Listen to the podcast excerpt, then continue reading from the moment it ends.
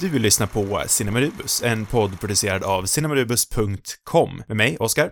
Och mig, Sam. Det här, det är podden där vi varje vecka pratar om en ny film från obestämd genre och era. Högt och lågt, brett och smalt. Det blir mycket kuriosa, historia och till sist ställer vi oss själva frågan, måste man verkligen se den här filmen innan man dör? Veckans film, det är När lammen tystnar, eller Silence of the Lambs, regisserad av eh, Jonathan Demme. Den filmen kom ut den 22 mars 1991. 91. Vilket eh, drömår. Ett riktigt Ändå. pangår. Du valde den här filmen. Jag tänker, det är inte mindre än rätt att du även berättar vad den handlar om. För du förstod inte. Nej, eh, inte. Jag kollar mobilen hela tiden, så att, nej, jag förstod ingenting. Nej, jag, jag förstår. Eh, jag eh, förklarar. A killer is on the loose. keeps them alive for three days. Then he shoots them, skins them, and dumps them.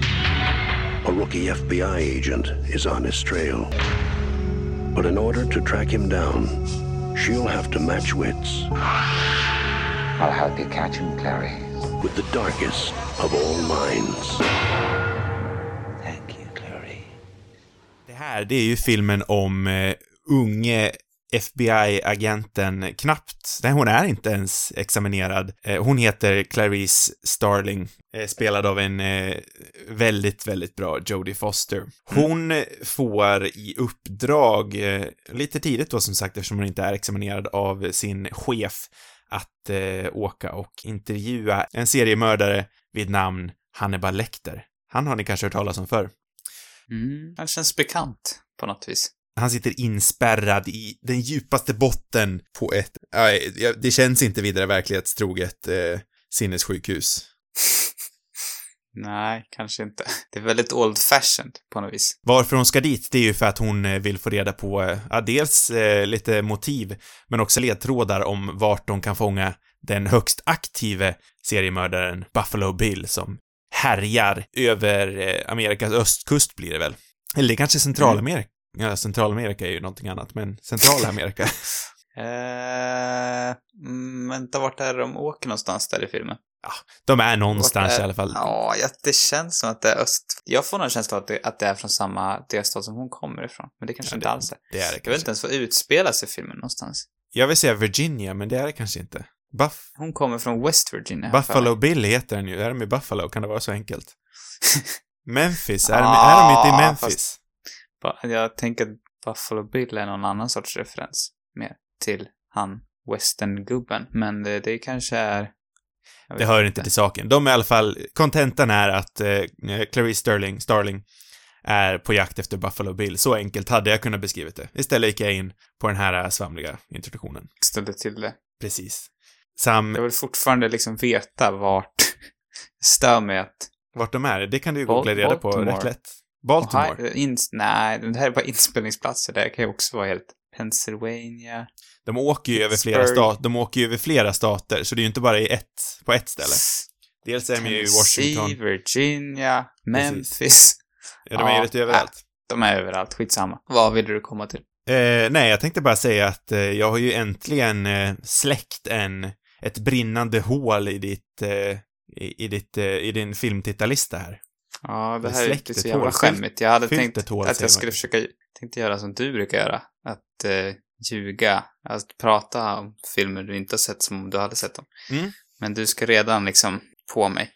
Fake it till you make it, så brukar jag säga. Eh, Ja, men jag känner att det är något coolt också med att ha lyckats undvika den här filmen Mm. under alla dessa år. Så att eh, det känns mer punkigt att inte ha sett den. Nu Ja, men nu- sett den. Punk, nu är vi postpunk här, för nu har du sett den. Ja, men det är också coolt att se den eh, typ så här när man är lite för, jag vet inte. När det är Den lite känns ute. oaktuell. Ja, exakt. Fast är den inte högst aktuell nu, eftersom kannibalism är lite på, en liten het potatis? Just för tillfället i alla fall. Mm, just det. Army Hammer, som vi drog vi upp honom förra veckan också. Nej, jag tror inte vi gjorde det. Vi snackade om att vi skulle göra det innan. Eh, när vi Mm. spelar in det här så går det ju just nu het, heta, färska rykten om att eh, Army Hammer, eh, det annars eh, skärmtrollet Army Hammer, är en kannibal. Mm, just det. Men man vet ju aldrig vad som pågår under. Under ytan. Tror, du- tror du att han kan få komma tillbaka om han har den här masken på sig? Kanske.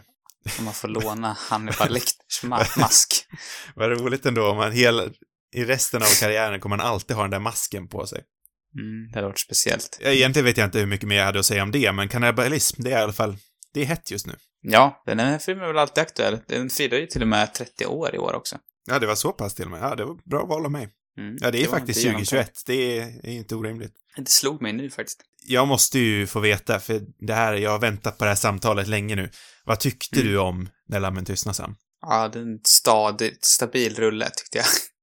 Det är väl alltid lite så problematiskt på något sätt att ta sig an de här filmerna som, som man så länge tänkt att man skulle se och sen extra mycket tror jag de här 90-talsfilmerna för att de har en tendens att vara liksom lite väl upphaussade ibland också, tycker jag. De här, jag brukar kalla dem för IMDB-generationen eller Ja, någonting. Det är precis. som när, det är liksom när IMDB var jag vet inte när IMDB kom, men de filmerna som åtminstone tidigare, jag vet inte, nu har det nog ändrats lite mer och mer, men åtminstone i IMDB start så, så var det många av de här 90-talsfilmerna som liksom prydde deras eh, ökända topp 250-lista. Och det här är definitivt en av dem. De här 80-talisterna som eh, liksom har satt hela, eh, ja men hela filmtrenderna nu med allting. De, de som började vara aktiva på film, filminternet där sent 00-tal, tidigt 10-tal. Men alltså de var ju tonåringar när den här filmen kom ut och tyckte det här var det coolaste och mest rebelliska som fanns, typ. Ja, men exakt. Jag tror min, så här, min korta eh, personliga resa sen jag såg den nu för någon dag sedan är väl kanske lite samma med hur jag kan tänka mig att resan var hos de som såg den 91 när den kom ut. Att Mhm. den till en början känns ganska mycket som en, ja men det är en riktigt bra klassisk eh, thriller på många sätt. Eller amerikansk liksom kriminalthriller Mm. som följer konstens alla regler, eller som gör det riktigt bra liksom. Men sen när mer man tänker på det och ser det i retrospektiv så inser man ju hur otroligt inflytelserik den här filmen varit. Det känns väldigt mycket som en otroligt bra symbol för 90-talet, eller det känns som starten på den typen av film som, som jag tror många förknippar med 90-talet. Den här liksom mörka krimthriller-träsket kanske man kan säga. Men alltså alla de här stora klassikerna från 90-talet, Seven till exempel, eller Mm. Usual Suspects tänker jag på. Och eh, ja, sen finns det väl andra filmer i, inte exakt liksom en krimthriller, men det är ändå liksom, typ Shawshank är väl ändå lite samma känsla, även om det är en- fängelsefilm liksom. Ja. Jag, jag, jag tänker, hade ens liksom Memories of Murder som vi snackade om, dels förra veckan men också i ett helt poddavsnitt eh, för lite mindre än ett Mm. år sedan. Hade den ens existerat utan den här? Nej, nej, det, ja, det förmodligen inte. Så att det, eller ja, det kanske den visst hade gjort, inte vet jag. Men, Ja. men den är, den är liksom, den känns som en väldigt tydlig start på det här och den introducerar också många saker som även senare filmer liksom har väldigt mycket. Absolut typ så här 10-talets eller det man såg, man har pratat ganska mycket om att, eh, att många har tagit efter Dark Knight till exempel med Mm. den här superskurken som frivilligt tillfångatagen. Nej men det är det, eller det är en charmig superskurk helt enkelt. Det är Mm. Kanske inte just att han blir frivilligt tillfångatagen, men det är en annan sorts skurk.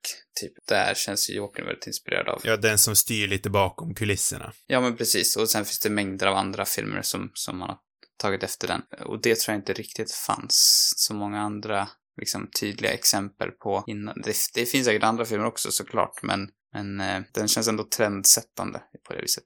Från eh, mitt perspektiv så tror jag att det här kommer bli eh, eh, kanske det poddavsnittet där jag använder mest superlativ. För, Mm. alltså, den här filmen, oj, oj, oj vad den är bra. Ja. Alltså, det är jag... trevligt, är det en gammal favorit för dig, eller, är det liksom, eller har den, blev, blev det starkare att se, om den nu? Jag, alltså absolut att det blev starkare. Jag eh, har ju sett den en gång innan och jag var väl, ja men jag var som dig tror jag. Den, eh, jag tyckte den var riktigt bra när jag såg den. Kanske lite bättre än vad jag, vad jag eh, tolkar från dig nu. Men eh, jag tyckte den var riktigt bra, men det var inte sådär att jag var helt eh, bortblåst. Men nu, wow!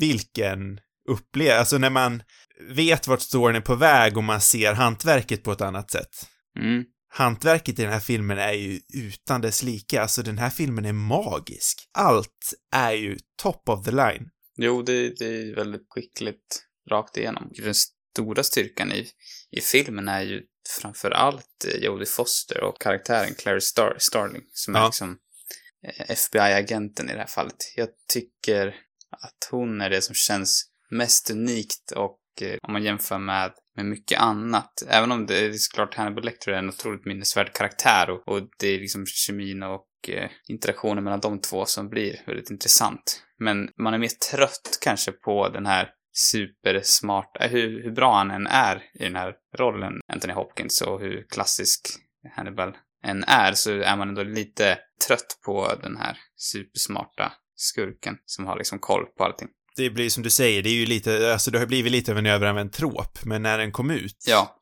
som du också nämnde, alltså det här var ju nytt. Det finns, finns säkert andra exempel, så jag ska inte säga att det här var det första gången någonsin. Men man, man förväntar sig att att, eh, att Hannibal Lecter är mer av en roll, men det är som du säger, alltså Jodie Fosters Clarice Starling är ju den här filmen, alltså det är ju hon som är huvudkaraktären, det är ju inte Hannibal Lecter. Det som är Hannibal Nej, Lecter så precis. bra är ju att han är en, en, egentligen en rätt minimal del av filmen. Men hans närvaro görs ju alltid eh, märkt, eller bemärkt. Mm. Ted Talley som skrev den här filmen, mm, eh, han gjorde ju det medvetna valet att sätta henne som huvudkaraktär. Att det är från hennes perspektiv den här filmen berättas och det genomstrålar ju allt. Från bildberättandet till eh, manuset som sagt, till fotot. Mm. Allting kommer från henne och det, det är ju verkligen det som är så briljant. Hela liksom, eh, ja i och för sig, det borde vi ta sen. Den här filmen ska vi absolut ha en spoilersektion i, eh, men det kan vi komma in på mer sen. ja. Om varför, jag, jag tänkte nämna om varför titeln är så briljant, men det tar vi sen. Jag tycker ändå att det, eller är det en spoiler att prata om det? Det kanske är. Jo, men det, det jag tycker ändå att det. Lite i och för sig. Jo. Nej men mal- manus som sagt är ju helt eh, underbart. Eh, och det är ju som sagt baserat också på, eller som sagt sa jag aldrig, men det är baserat på, på boken av, eh, vad den heter nu då? Thomas Harris. Thomas Harris, precis. Och det är ju en del i en serie romaner med Hannibal Lecter i, eh, som en bakgrundskaraktär. Ja, är han mer liksom, är han mer i centrum, eller eftersom han är ju central här också, men är han liksom ännu mer central i någon av de andra böckerna? Har du koll på det? Ja, men jag tror väl att böckerna började lida lite av, nu säger jag det här utan att ha läst dem, men jag tror att böckerna började lida lite av samma problem som filmerna till slut gjorde, att Hannibal blev mer och mer av en huvudroll. Mm. Eh, I den första Red Dragon till exempel så har han ju lite samma roll som han har här, att han blir bakom kulisserna. The Big Bad Wolf i filmen är ju inte Hannibal, Nej. eller Dr. Lecter, utan det är, eh, ja, vad nu han heter. Jag har inte sett Red Dragon, jag tänkte jag skulle göra det, men jag hann inte. Men det därför blev jag också fundersam på, det är intressant, den här filmen, eller den här boken kom ju ut 88, så det var Mm. det var inte vidare lång tid mellan den här boken och eh, filmatiseringen blev klar. Den första kom ut 81. Och den, alltså Red Dragon finns det väl en, en nyare film som är alltså någon sorts prequel-film kan man väl säga. Precis, det Ja. finns ju en film regisserad av Brett Ratner, också skriven av Ted Talley, eh, där eh, även Anthony Hopkins spelar Lecter. Mm. För jag tänker, för det finns också en, eh, det finns väl en, eh, Manhunter. ja exakt, Michael Manns film från typ, år är den ifrån? Är det 88 eller något sånt där? Eller är det tidigare kanske? Ja, där, roundabout. Och det, det bygger den också på Red Dragon. Det är ju också Red Dragon om jag förstår det rätt. Och där spelar ju Brian. Cox Hannibal Lecter. Så egentligen Red Dragon har två filmatiseringar. Precis, jag vet inte hur trogen Manhunter är. Men den är Nej. väl regisserad av Michael Mann, va? Mm. Mm, precis. Och precis det jag sa. Ja, du sa det, förlåt. Ja, ja, nej men eh, jag hade nog tänkt att det här var den första liksom. Och jag har ju hört talas om Manhunter, men jag visste inte om att Hannibal Lecter hade någonting med den att göra. Så det, det upptäckte jag nu faktiskt. Precis, och det är väl för att, eh, alltså det var ju efter den här filmen som Hannibal Lecter blev en ikon. Mm. eh, Anthony Hopkins som Hannibal Lecter har ju liksom varit untouchable nästan. Fram tills Mads Mikkelsen gjorde rollen till sin helt egna i tv-serien som gick för några år sedan, Hannibal på NBC. Just det, den har du också sett en del av? Ja, jag har sett säsong 1 och 2, jag har dock inte sett trean, men nu blev jag riktigt sugen på att gå tillbaka. Mm. Gillar eller inte, men Hannibal i eh, de här filmerna är ju lite av en, en serietidningskaraktär. Han är ju väldigt over the top. Ja. karismatisk som attan och otroligt eh, obehaglig och spännande, men han är ju inte, han känns inte vidare verklighetsgrundad. Hannibal, så som eh, Mads Mikkelsen gör, eh, han, ha- ja, man hade lätt kunnat se han i verkligheten. Mm, han är mer trovärdig helt enkelt. Precis. Det som gör att Hannibal i den här filmen funkar är ju att vi ser han i så små doser som sagt och att han är eh, till stor del bakom, bakom galler. Men mycket i den här filmen är ju också lite så här over the top på något vis. Eller det är svårt att inte reagera på, jag tänker på den, eh, eller ja, det kanske inte heller, ja det finns vissa, alltså det är en hel del grejer som du säger, det här fängelset han sitter på till exempel. Mm. Det är lite så här serietidningsartat ändå. Absolut, alltså den är ju förhöjd. Men Mm.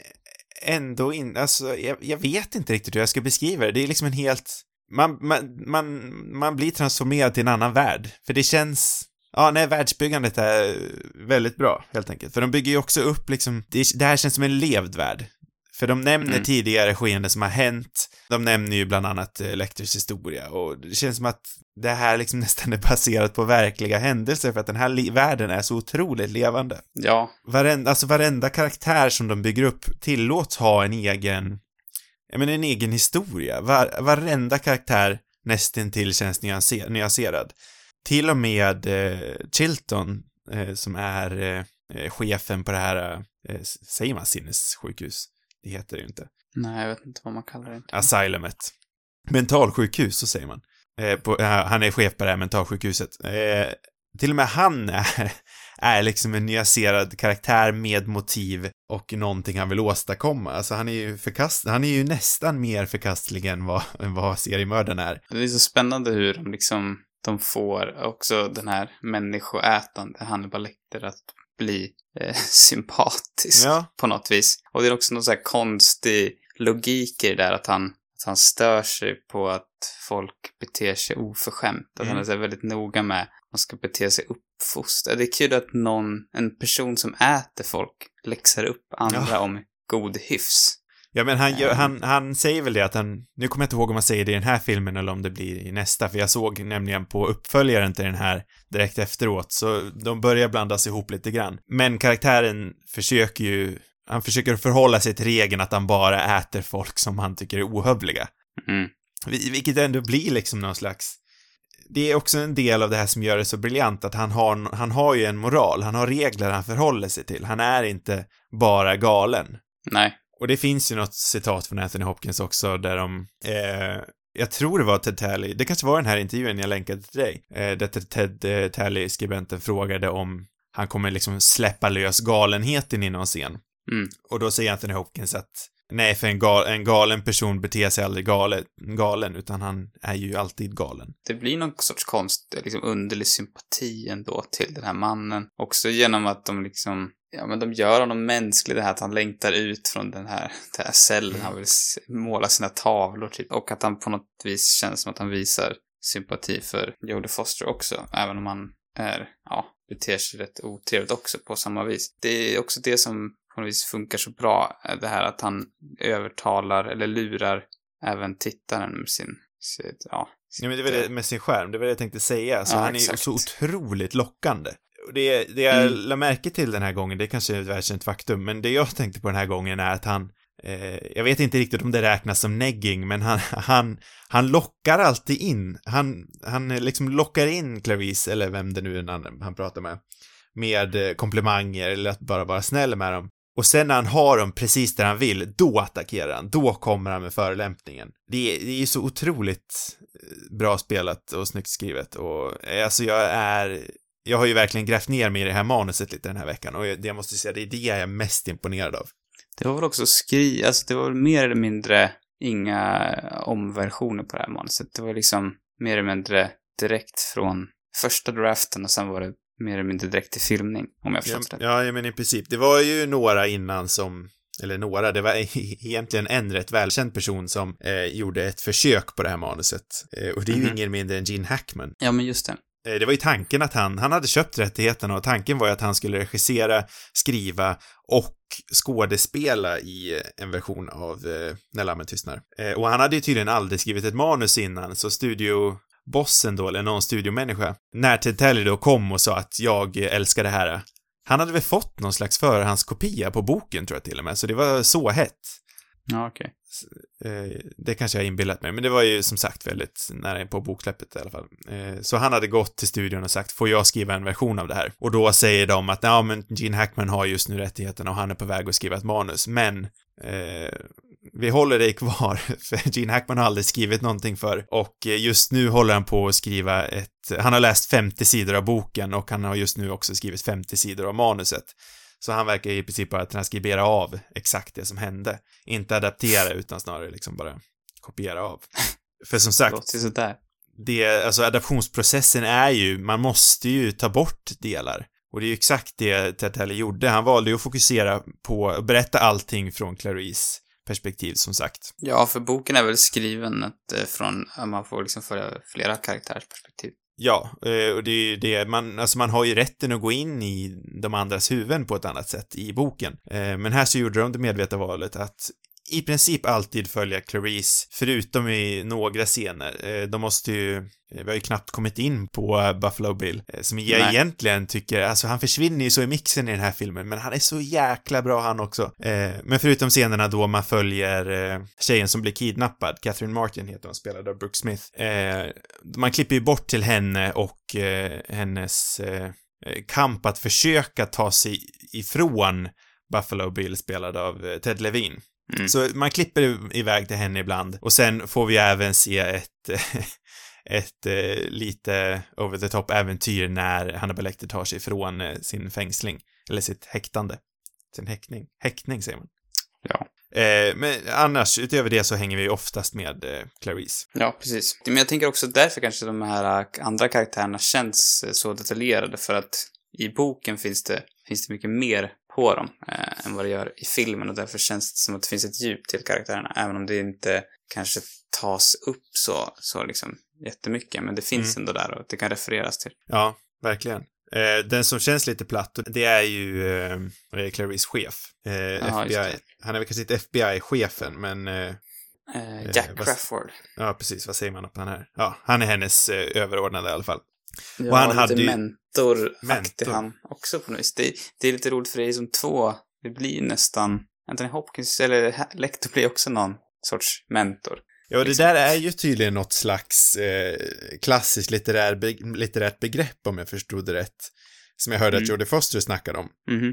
Att eh, tre fadersfigurer är tydligen något slags litterärt begrepp.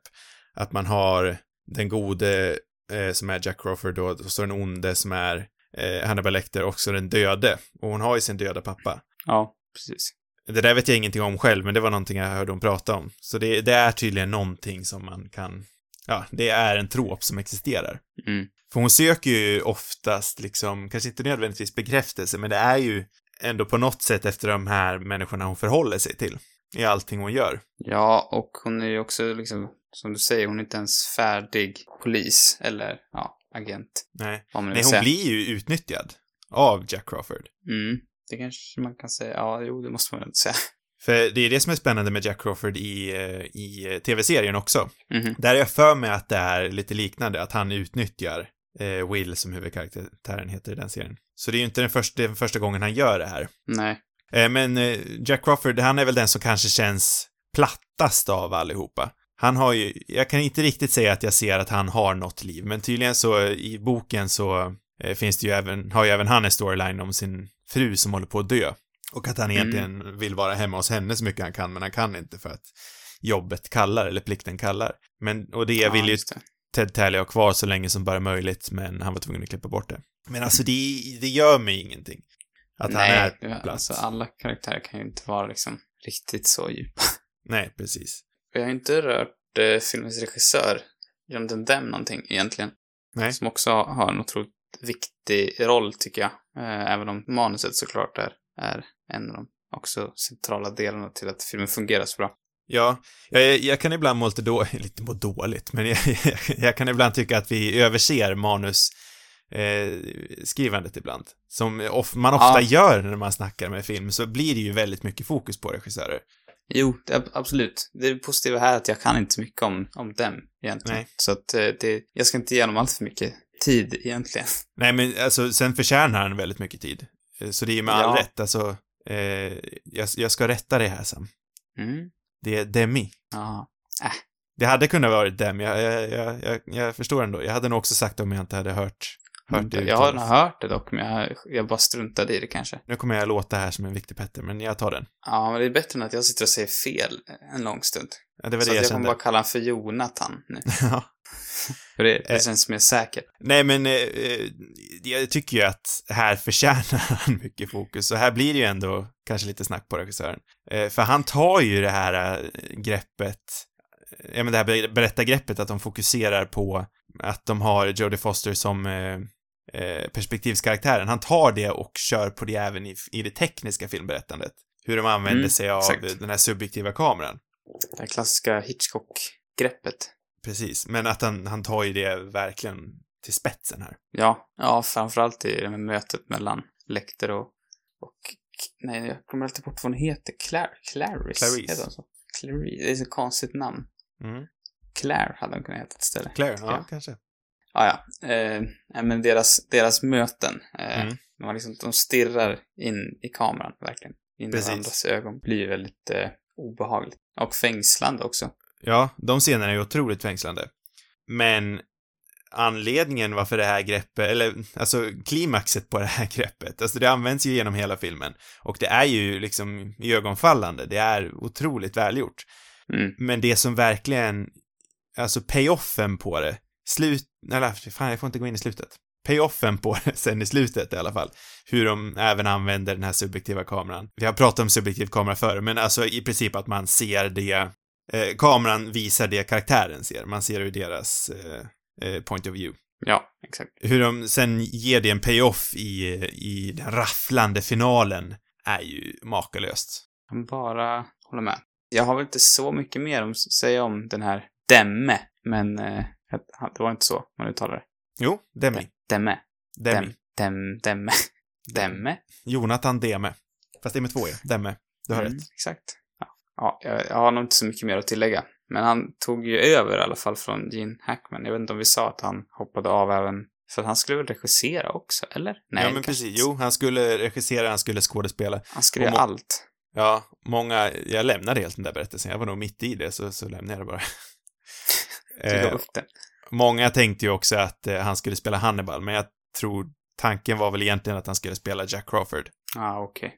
Det fanns någon annan som inte var, som du har liksom pratat om skulle ha spelat Hannibal, men det verkade helt... Jag vet inte om det var någon, annan som förnekade att det var sant. Nu minns jag inte ens vem det var, så det var inte jättespännande att Ja, komma det finns med. ju flera alternativa rollsättningar i den här filmen. Eh, Mm. Det gör det på Clarice också, men eh, eh, när Gina Hackman hade rollen så sn- hade han tydligen snackat om att han skulle ge rollen till någon Bobby. Och då fanns det ju flera Bobby han kunde prata om, för han sa bara förnamnet Bobby. Eh, och då kunde det antingen ha varit Bobby De Niro, Bobby Duvall, Bobby... Eh, nu kommer jag inte ihåg den tredje. Men någon... Jag tänker nog att han menade Duvall av någon anledning. Inte De Niro då? När kom, eh, när kom Cape Fear ut? Bobby Redford kunde det varit också. Så var det. Ja, just det. När kom Cape Fear? Eh, efter den här, va? Ja, jag tänker det. Att det 92 borde vill jag säga. Eller så kom den 90. Så kan det också varit. Men jag tänker kanske bara att det var Duval för att båda är flintis. Det är kanske så enkelt. Ja, det kanske är så. 91 står det att den kom också. Det hade varit roligt om, om Bobbys, om, om, vet det, De Niro, om han hade spelat både två psykopater samma år, liksom. Ja. Det hade haft någonting. Nej, jag, alltså jag, jag kan verkligen inte se De Niro göra det. Jag kan ju inte se, eller uppenbarligen kan jag ju se andra göra det eftersom eh, Mads Mikkelsen gjorde det så bra, men som den är skriven här kan jag inte se varken De Niro eller Redford eller Duval göra det. Eller de som, det ryktades ju även om att eh, Sean Connery skulle göra det, eller Dustin Ja, Hoffman. men det var det, det var han jag tänkte på, Sean Connery. Det var, fast det var nog typ eh, Jodie Foster som sa att hon hade all, aldrig hört talas om det. Hon var Nej. kanske inte än involverad i, så det kan väl ha snackats om, men det känns också som ett, Det kan väl ha kommit på bara. tal.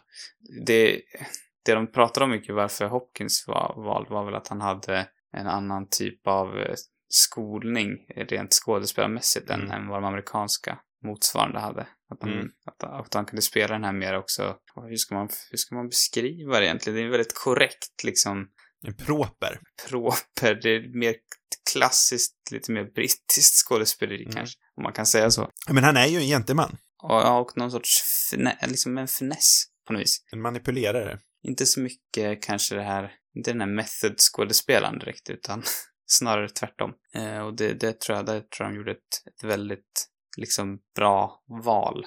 Mm.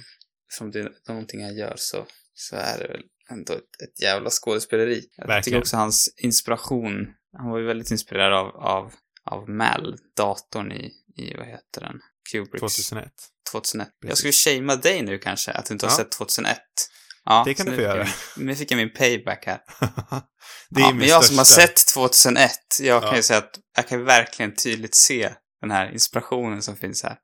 Har han inte och sagt någonting om att det var Catherine Hepburn också? effektiv. Jo, det har, han- det har han gjort. Henne har jag inte så mycket erfarenhet av, så att... Nej, inte jag heller. Men eh, väldigt Tyvärr. udda kombo. Men jag, jag hör ju också lite, ja man har ju hört Hals röst liksom, så jag, jag ser ju absolut kopplingen. Eller jag, den. kallade... Det är roligt nu, jag kallade Hal för Mal, men det Jo, jag ju... hörde det, men jag vill inte rätta det en gång till. Du vill inte rätta mig en gång till. Nej. Du rättar mig när jag ska håna dig, det hade Ja. varit. Mal för övrigt är ju Marion Cotillards karaktär i In- Inception, som Ja. förmodligen är inspirerad av Hal. Kanske det. Det, det, tänk, eller det, om det är någon som är en riktig jävla 2001-fanboy så är det ju Christopher Nolan i alla fall. Ja. Det, det behöver vi inte ens diskutera. Det tror jag inte är öppet för diskussion. Så är det bara. Mm. Eh, sen fanns det ju, även på Clarice så fanns det ju massa alternativa rollsättningar. Eh, Jonathan Demme ville ju inte ens ha Jodie Foster i den här rollen. Nej, hon fick väl kämpa jävligt mycket för att få den. Otroligt mycket. Eh, för hon älskade ju boken och ringde ju på en gång och frågade om hon fick vara med, men han hade ju eh, han var ju först stensäker på att han ville ha Michelle Pfeiffer. Mm. Men hon hoppade av för att hon tyckte att den var för den var för mörk, eller för, jag tror hon sa för våldsam, men filmen är ju egentligen inte förvånande nog så våldsam. Nej, men det kanske var att den hade, den har ju ändå, liksom på papper åtminstone, ganska grova och kontroversiella eh, Den är mörk. Utan Ja. tvekan är den mörk, men våldsam vet jag inte. Nej, nej, och det, det, är väl också en, det, det kanske kommer in på mer senare, men det är också en, en stor styrka tycker jag också, att den Mm. lyckas så mycket, eh, ja men förmedla det den gör utan några, utan att egentligen liksom gotta sig i någon sorts vålds... Eh, Alltså, det är ju ett mest, alltså det är ju mästerligt berättande, alltså suggestivt berättande. Mm. För det, den är ju verkligen inte, alltså det är ju ingen våldsporr. nej, inte alls egentligen. Utan det är så här, det- det är obehag, alltså det är obehag tagen till sin spets. Mm. Och det är väl också det jag känner gör den här, för det är, många kallar ju den här för en skräckis. Mm. Jag vet inte, håller du med om det? Nej, inte alls egentligen. Nej, för, för mig är ju det här kanske en av de bästa thrillerserna någonsin. Det känns väldigt mycket som en traditionell thriller tycker jag. Ja, det här är ju igen, ja precis, en thriller liksom, som, en, det här är här en thriller är. Det enda besvikelse, jag hade liksom förväntat mig att den här skulle vara så här riktigt, den är ju obehaglig men den är ju Mm. inte så här, den är inte läsk, jätteläskig. Den Tycker ganska- du inte? Jag sitter ju på, eh, alltså, jag, jag tycker den är otroligt spännande. Ja, men jag hade liksom väntat mig att det skulle vara mer Seven-läskig typ. Den är ju mycket mer obehaglig tycker jag. Jag tycker den här är jätteobehaglig. Ja, det kanske är olika vad man... För mig är den nog, alltså det är, visst den är obehaglig men den är inte, det är inget så här, nej, det mycket annat som är otrevligare. Helt klart. Så det är verkligen ingen skräckfilm för min del. Nej, det är det verkligen inte för mig heller. Alltså, Sen menar jag inte att den är, att den är i, in, alltså att den inte skapar någon sorts spänning eller att den inte är obehaglig alls. Inte att den inte, det är nog mer bara att det finns andra filmer jag tycker är obehagliga. men återigen, även den, alltså jag tror jag var mer som dig första gången. Den Men- blir mer läskig andra gången. Jag, jag blev verkligen, alltså jag omfamnade, alltså jag blev så insvept i det här. Det här var den mest engagerande filmvisningen jag haft på jag vet inte hur länge. Jag var så inne i berättelsen. Ska vi gå tillbaka till Jodie Foster igen? Jag väl tänkte säga, efter, bara för att beta av dem lite snabbt, efter Michelle Pfeiffer hoppade av för att den var för mörk så eh, kom Jodie Foster igen och Jonathan Demme sa nej, jag vill inte ha dig här. Och då så kom, eller då så sa han att han ville ha eh, Meg Ryan istället.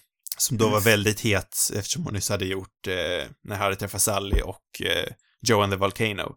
Men hon sa också att nej, hon blev typ förolämpad för att de ens hade kontaktat henne. för att hon tyckte det den skildrade var så hemskt och förkastligt. Ja.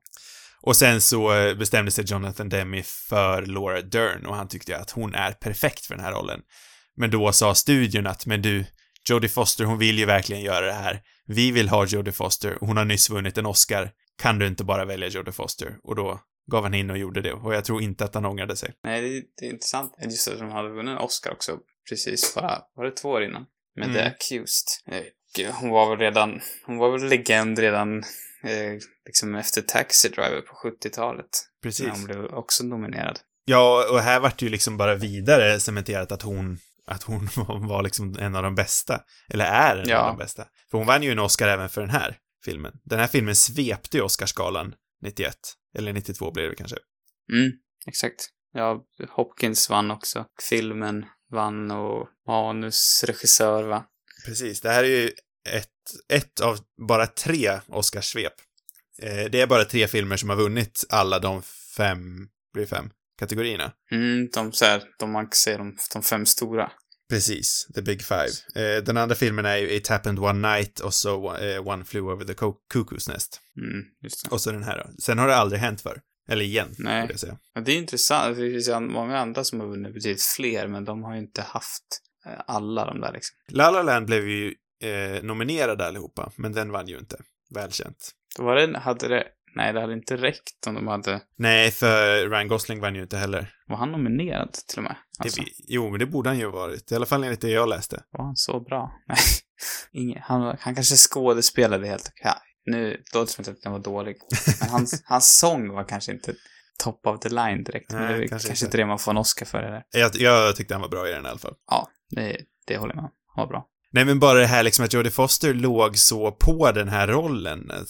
Det, bara det liksom visar ju att hon personifierar Clarice Starling på något vis. För det är ju, alltså, även Clarice är ju sådär. Den här Mm. otroligt drivna, som, och det visar ju också Jonathan Demme briljant i sin regi. Eh, väldigt subtil, eller lite uppenbart är det ju. Men att hon är en kvinna i en mansvärld blir ju väldigt uppenbart i det bildliga berättandet. Jo, verkligen. Och eh, att hon blir liksom hindrad hela tiden också. Att hon får kämpa emot, i motvind, känns det som. Nej, alltså, jag, jag, den här filmen är så bra. Jag, jag, jag tycker den är så bra. Det här är ju en av mina favoritfilmer. All time. Ja, det är svårt för mig att avgöra än. Jag, jag tror inte den kommer in där, men fortfarande en grym film. Och jag, det är som, ja, det, ja men just Jodie Foster tycker jag, den här karaktären som känns väldigt mänsklig, men ändå med det där eh, otroliga drivet som man verkligen uppskattar hos en, en huvudkaraktär. Det är verkligen hon som gör filmen, tycker jag. Innan vi, för jag, vi borde kanske börja närma oss spoilersektionen snart, men jag skulle vilja prata om den, eh, den, eh, blir den fjärde karaktären vi inte har nämnt så mycket och det som vi borde nämna, så det är ju Buffalo Bill. Ja, exakt. Han måste vi ju komma in på. ändå. Alltså så eh, obehagligt spelat av Ted Levine. Ja. Han är ju ett sammelsurium av obehag. Jo. Alltså, det är, alltså han är så obehaglig. Eh, vi klipper ju till honom lite då och då och det som gör han så bra är ju att han känns ju någonstans i kontrast till Lecter som är obehaglig på sitt eget vis så är ju Buffalo Bill ännu mer obehaglig just för att han känns riktig. Alltså man ser han i verkligheten. Jag gör i alla fall det. Mm. Han är också lite mer extravagant. Jo, det är han ju. Det är också en, en styrka, tycker jag. Men eh, alltså han är, han är ju inte så här, eh, Hannibal Lecter är ju liksom övernaturlig. Han, han, kan, han kan lukta saker som ingen annan kan. Och jag tror i boken har han väl till, jag tror att han bokstavligen ser övernaturlig ut i boken. För eh, om jag minns rätt så har han typ sex fingrar på en hand och röda ögon eller sånt där. Ja, det, den här boken kanske inte är så bra ändå. Nej, jag vet inte. Eh, Folk, jag tror vissa hävdar att filmen är bättre, men... Ja. Eh, Nej, men det som är härligt ty- tycker jag med, med Buffalo Bill är väl också att han känns väldigt inspirerad av många så här, klassiska amerikanska seriemördare. Som det här att han till exempel ska sy en klänning av folks hudar. Det finns det ju, det finns det ju folk som har gjort på riktigt till exempel. Det är gör det.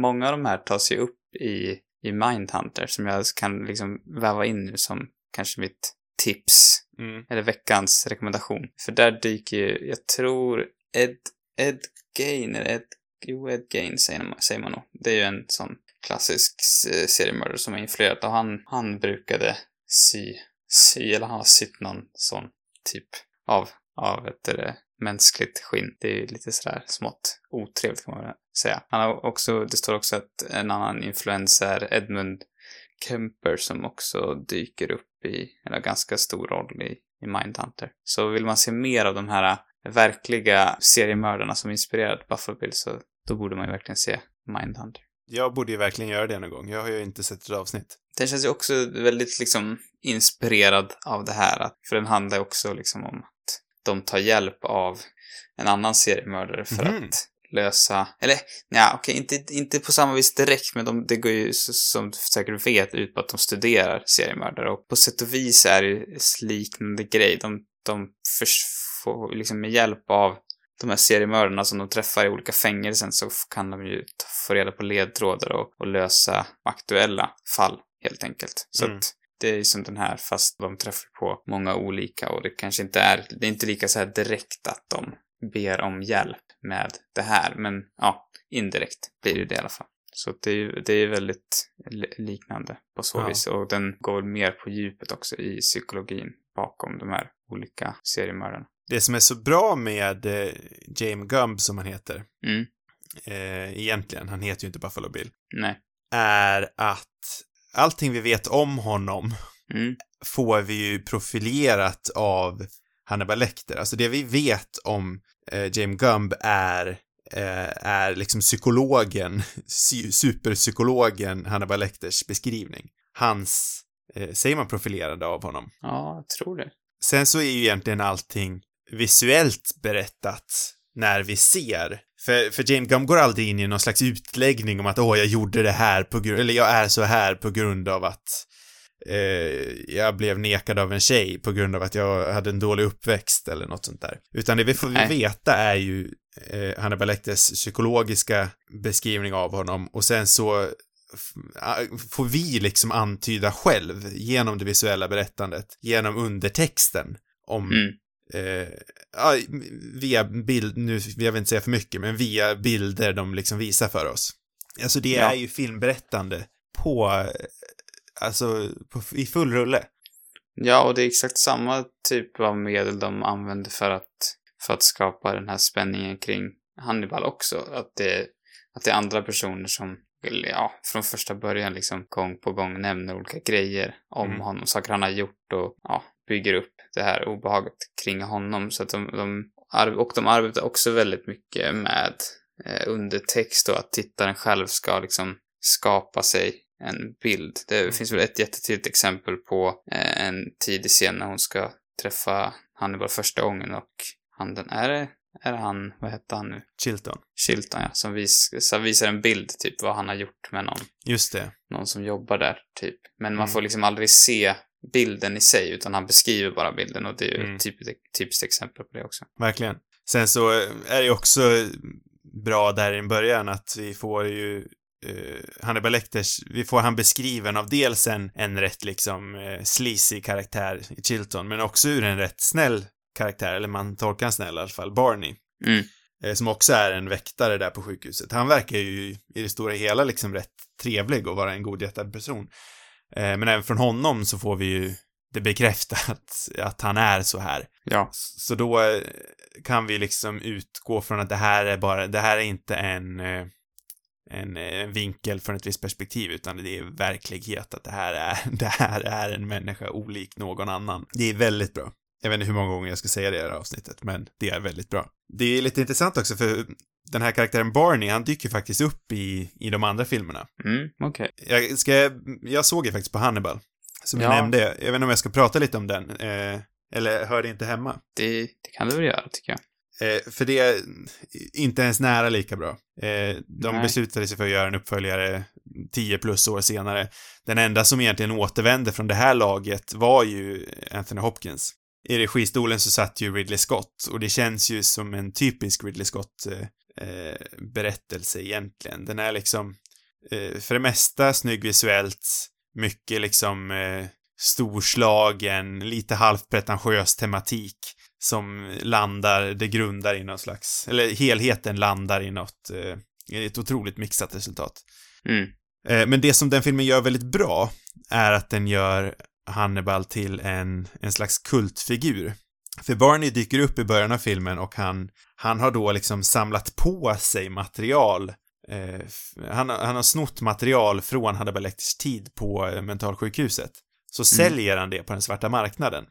Aha, Så okej. den här ansiktsmasken, den säljer han till en annan karaktär. Och det är, det är Mm. ett exempel i den filmen som eh, det ger också ett djup till världen, ett exempel på bra världsbyggande. Ja, just det. Eh, sen, det största problemet med den filmen enligt mig är ju det som är bäst med den här filmen, att den inte har en tydlig perspektiv, alltså perspektivskaraktär. Det blir så otroligt tydligt i kontrast med den här. Den filmen vet inte vem det är som berättar historien, eller vem, vem vi ser det ifrån. fokusera på. Precis. Nej, nej. Och sen är det inte lika spännande att se Hannibal utanför häktet. Alltså, han, han blir inte lika spännande. Nej, han är, han är nästan löjlig utanför kanske. Han hör hemma där på något vis. Han, men han blir löjlig utanför. Han ska vara fängslad. Han ska sitta sådär bunden med en mask för ansiktet. Det var som mest läskig. Levde han, för Hannibal är ju liksom evigt närvarande i filmsnack, i filmcirklar.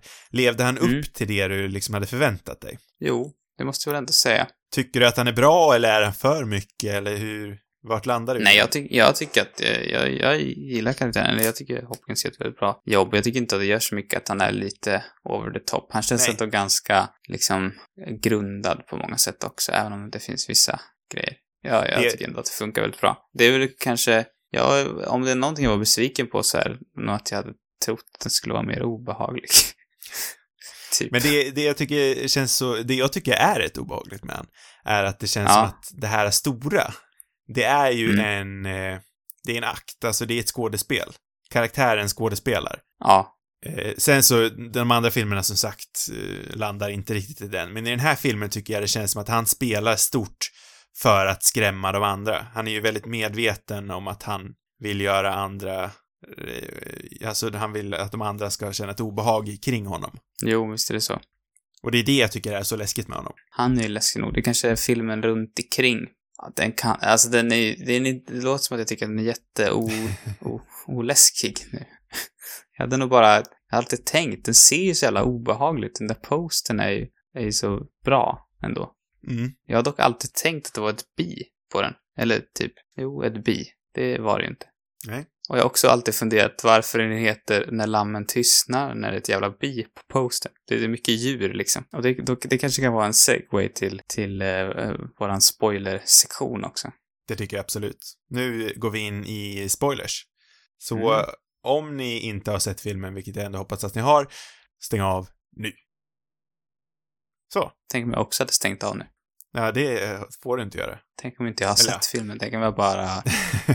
Jag vet inte, jag har inte så mycket att tillägga egentligen. Det som är jag känner mig ganska eh, färdig ändå på något vis. Men, jo, men eh, vi, vi har nämnt det mesta, men jag ska, det, jag- det jag vill prata om mest är ju egentligen titeln, för jag tycker att det här är ju en av de bästa filmtitlarna någonsin. Mm. Jo, det... Eller ja, det ska jag kanske lämna det till dig om det är du som tar upp det. Inte ta över varför det är den bästa. Men jag kan helt klart hålla med dig. Det är ju en rätt liksom otydlig titel ändå när man, eh, ja men innan man går in i filmen, alltså den, va, va, när lammen tystnar, vad är det?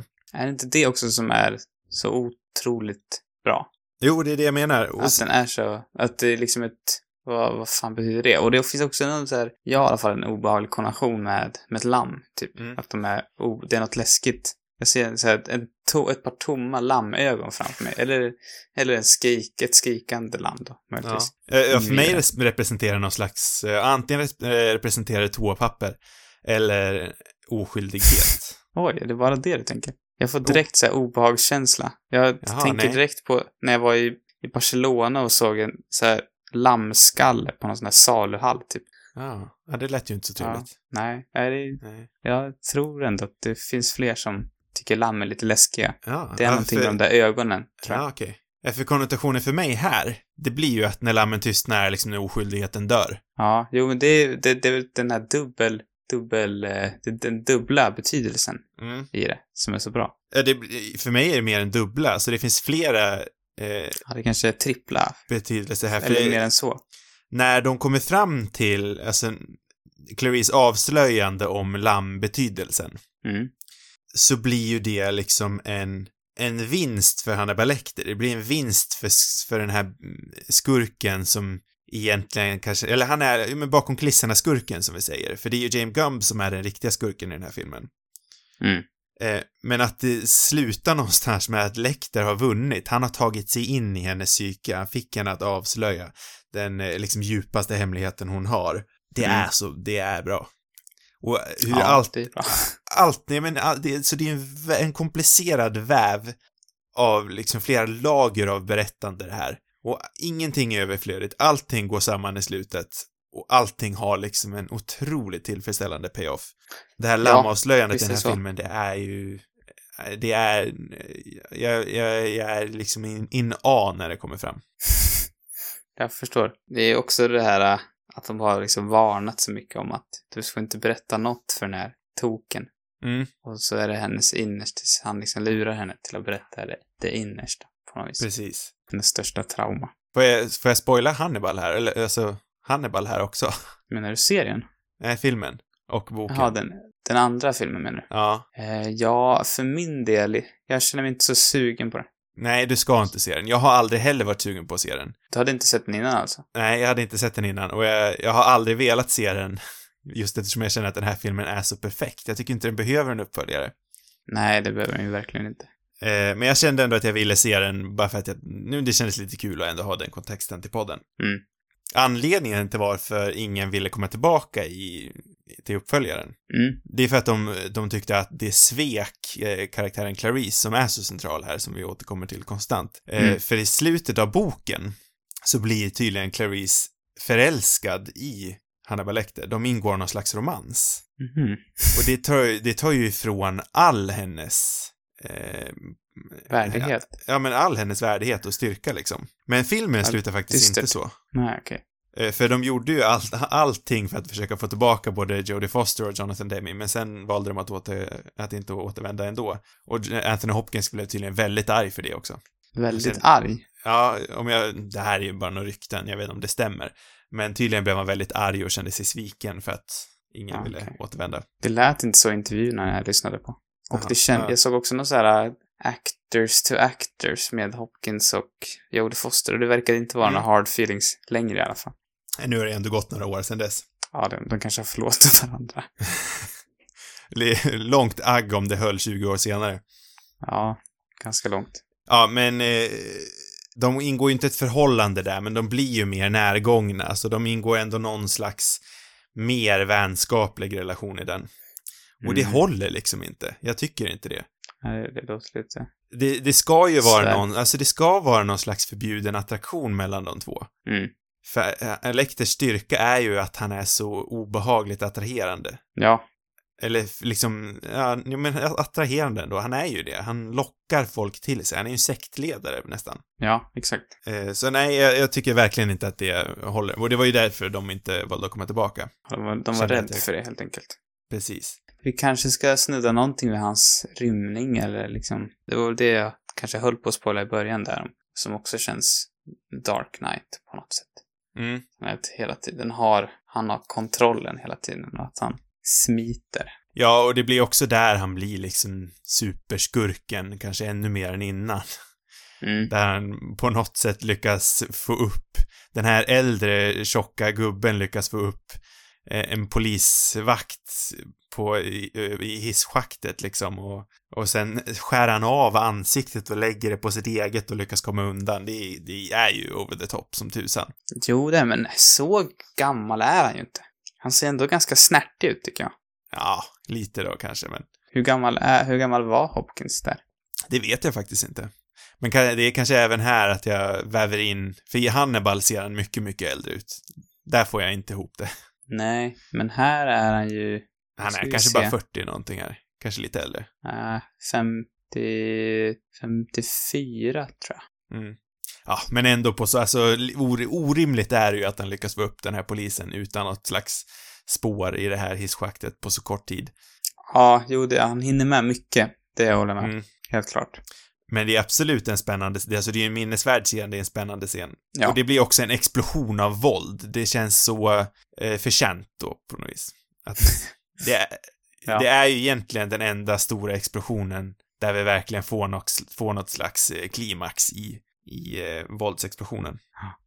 Just det, det vill jag också prata om, nu när vi är i spoilers. Eh, det var det jag pratade om tidigare med det här, eh, det känns som att den här subjektiva kameran, valet att använda sig av den, Mm. nu vet jag inte om det är så här, men om det var så är det ju så smart. Att det bygger upp till det här klimaxet i eh, Buffalo Bills källare där Clarice famlar runt i mörkret och inte ser någonting, att vi bara ser från eh, James Gums nattkameraperspektiv. Det är så jäkla spännande. Jo, men det, det tror jag. Att det är någon tanke där faktiskt. Det är inte ofta man liksom ser en film som är så, eh, alltså de har ju, det är kanske självklart, men de har ju tänkt igenom det här. Jo. Jag tycker ändå inte det är så ofta man verkligen märker att vi vill få in fotot, vi vill få in berättandet, vi vill få in skådespel, alltså vi vill få in allting i ett perfekt litet paket. Det, det enda jag kan störa mig där på dock är att det, det, ser liksom inte verkligt ut. Hur menar du då? När man ser från hennes perspektiv. Det känns som att någonting som, som Deakins kanske skulle haka upp sig på. Hon famlar i mörkret, men ändå när vi får se honom så är han ganska väl upplyst. Man, Ja, man, du tänker så. Ja, men det håller jag med dig om. Inte från det andra, inte från hans perspektiv. Nej. Då, då, då Nej, jag tänkte vad ser det bra ut. Men när man ser från det andra hållet, Jag reflekterade över det själv också, men vi måste ju se något. nej, det behöver vi ju inte. Du vill bara att vi klipper till mörker? Ja, jag tror Eller liksom, jag vet inte vad vi skulle klippa till. Men någonting annat. Det, där, Ja. där tycker jag att de hade misslyckats. Men annars, om, någonting måste man ändå kunna kritisera här tycker jag. Ja, ja. Ja, vi har ju varit väldigt, jag, eller jag har varit väldigt positiv i alla fall. Ja, jag känner väl, har väl också varit relativt positiv ändå måste man säga. Det finns inte så mycket att kritisera med den här filmen egentligen. Nej, Då ska verkligen vi inte. försöka kritisera. Finns det någonting vi kan, vad, vad, som en sista liksom, kläm? Oj. Eh, jag har ju suttit, alltså jag har ju varit liksom helt lyrisk hela veckan för att jag tycker att det här är en av få liksom perfekta filmer faktiskt. Mm. Om jag någon gång, jag brukar ju generellt ha väldigt svårt för så här topp 10 bästa filmer någonsin-listor. Men Mm. om jag skulle göra en, den här är ju topp 5 för mig. Oj, det är så pass. Ja. Jag kände mig ju, men det kanske är all uppbyggnad också, men jag kände ändå mig inte riktigt så här golvad av den. Lite, det är ändå väldigt mycket en, även om den är unik på många sätt så är det också väldigt mycket en traditionell krimthriller, även om den gör det enligt konstens alla regler. Jag känner mig inte så här eld och lågor över den och vad det beror på vet jag inte. Det, de kanske skulle ha liksom, de här ganska, alltså det är ju ganska göttiga ämnen det här med kannibalism och sy Mm. människokroppar. De kanske skulle ha liksom gått mer på djupet. Gottat sig i, i vidrigheterna mera. Fast nej, det är ju det som är bra, att de, att de håller tillbaka, för det är också ett av misstagen med eh, Hannibal sen, att de, de släpper liksom allt suggestivt. suggestivt. Ja, okej. Ja, eh, Det blir den- inte lika bra när man ser det. Det blir, det blir lite töntigt när man ser Hannibal stå och äta människor. Nej, men det hade jag inte velat sett kanske. När han står där liksom och, och steker någons hjärna, då blir det lite over the top. Oj, han gör det till och med. Ja, nu är ni ändå på spoilers här. Eh, och du inte vill se den. Det Ja. han gör i slutet är att han, han lobo, vad säger man, lobotimis, han, han skär upp Ray Liottas hjärna liksom, han tar bort skalpen. Nej, Och, är det eh, Ray Liotta också? Ja, ja. Fan vad liksom- synd. Så Ray Liotta sitter där helt medveten med hjärnan liksom helt uppskuren. Jaha. Så skär han ut där med skalpeln, en liten del av hjärnan som man kan ta bort och antar jag utan att det påverkar honom. Så steker han den med något slags gourmetverktyg där och så matar han Ray Liotta sin egen hjärna. Hmm. Men vänta, hur, hur lever han? Ja, det frågar mig inte. Han Fråga tar en bit av den bara kanske? Ja, ja, han tar ju, de säger ju, han tar ju en bit av hjärnan som han kan överleva utan att, han kan överleva utan den. Men är den här filmen, den här känns som att den borde kunna vara obehagligare. Den är mer osmaklig. Ja, den är mer, den känns mer, jag tänker att Ridley Scott är skicklig på att vara mer grov, eller mer grafisk. Den är mycket grövre. Mycket, mycket. För den här är ju oväntat, o, o, oväntat ografisk film. Ändå. Ja, ja. Den är mycket grövre än andra filmen. Det finns Men liksom... det, det kan jag också gilla med den här, att den är oväntat ografisk. Ja. För den har liksom byggt upp något sorts rykte om att den ska vara så jäkla grafisk, och så är den inte Ja. alls det. Nej, och det är det som är så briljant. Man tänker att den är det, men den är ju inte det. Jag kom inte på någonting negativt sen. Förlåt. Oj. Ja, nej, det är, jag önskar att jag hade tänkt lite mer på negativa grejer. Jag, Ja. det, har ni kanske inte hunnit smälta den tillräckligt mycket än. Eller, jag kan inte riktigt sätta fingret på varför jag inte känner mig riktigt lika mycket eld och lågor kring den. Men den är ju, jag kan inte förneka att det är en riktigt vass film. Ibland är det så bara. Ja, ibland är det bara så. Jag som sagt kände ju, alltså, jag tyckte också den var riktigt bra första gången jag såg den, men den här gången, oj, oj, oj, oj, oj. Eh, innan vi avslutar, eh, jag, jag, har, jag hade ju några vaga besläktade rekommendationer som vi redan har nämnt, så jag kommer inte prata om dem. Men jag, jag tänkte på Memories of Murder och Seven, rätt tråkiga besläktade rekommendationer. Så istället tänker jag att jag eh, vill lämna er med ett bra citat av Jonathan Demme, som Mm. jag verkligen tyckte om. Eh, hans, ska jag ta det på engelska eller ska jag översätta det? Kanske engelska. Det här är ju Jonathan Demme ur eh, Ted Tallys mun, så det behöver inte vara ordagrant. Men Jonathan Demme säger tydligen, det här är hans eh, regel för filmskapande. It's better to confuse the audience for a couple of minutes than to bore them for a couple of seconds. Mm, just det. Det tycker jag är bra. det, är, det är bra grejer. Även där ingår ju det suggestiva, så det är bättre liksom att eh, att eh, ja, men kasta ut någonting förvirrande och kanske visa för mycket än att sitta ner och eh, bokstavligen förklara. Det är ju, det är, det är egentligen show don't tell fast lite roligare beskrivet Ja. tycker jag. Då kommer jag ju tänka på min återkommande rekommendation Twin Peaks också. Som är Mm. samtida. Och den också är ett mordmysterie med en galning. Den, Mm. den är ju verkligen åt det hållet. Den, Verkligen. Då känns den här, den här filmen känns otroligt tydlig då. Ja, Så kanske. jag hoppas jag, inte jag inte Demi, jag hoppas inte han har sagt det till, till Lynch för då hade han nog bara skrattat åt honom förmodligen. kanske. Kanske. Sam, innan vi rundar av så måste vi ju ställa den här frågan som man absolut inte får glömma. Nej, den får man inte glömma. Måste man se När lammen tystnar innan man dör? Måste man Måste det? man verkligen. Steven Schneider, han tycker ju att eh, 1991 var ett riktigt toppenår. Det var 16 filmer som han tycker att man måste se från det året. Mm. När lammen tystnar, det är en av dem. Tycker du det? Oh. Vilken fråga. Ja, kanske man borde göra. Jag är alltid lite tveksam. Men eh, visst. Den... Ja. Ja. Ja. Mm. Ja, eh, man... Ja, det kan... Jag, kan man svara kanske? Nej, det kan man inte göra. Eh, ja, nej, nej, det tycker jag inte. Ja eller nej? Ja, det blir i så fall ett... Ja. oj, oj, oj. Med reservation för ändring. Ja, precis. Ändra kanske nästa vecka.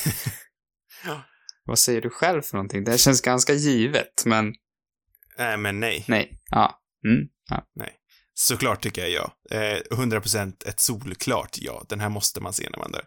Eh, jag tycker som sagt att det här är en av de bästa filmerna någonsin. Mm. En stekhet thriller. Utan dess like. Ja, det s- summerar ändå. Tack. Sam, eh, vi känner vi oss klara va? Ja, nu är det dags att av... Jag vill runda prata av. väldigt länge. Eh, Ja. Nästa vecka, eller näst, nästa vecka Sam. Mm. Har du bestämt en film? Svårt val. Nu, jag började bli mer och mer sugen på, på paraplyfilmen nu faktiskt. Mm. Eh, Så jag kanske landar där ändå. Då kör vi där. Eller blir du Bryta av mig lite besviken lätt då? efter den här tungheten. Nej, inte ens lite. Jag har ju haft den på min lista länge också, så jag blev bara glad. Jag tror det. Absolut nu när du börjar prata La La Land också. Eller La La Land. Mm. Eh, ja. Eh, Umbrellas of... Jag kan aldrig uttala det här slutet. Char- Cherbourg. Cherbourg. Cherbourg. The Umbrellas of Cherbourg. Ja, Cherbourg. det är den i alla fall. En fransk 60-tals musikalklassiker. Kan man väl säga. Med eh. Catherine Deneuve. År på den? 64. 64. Jag tror den går att se på Cineasterna, tjänsten vi ofta brukar rekommendera.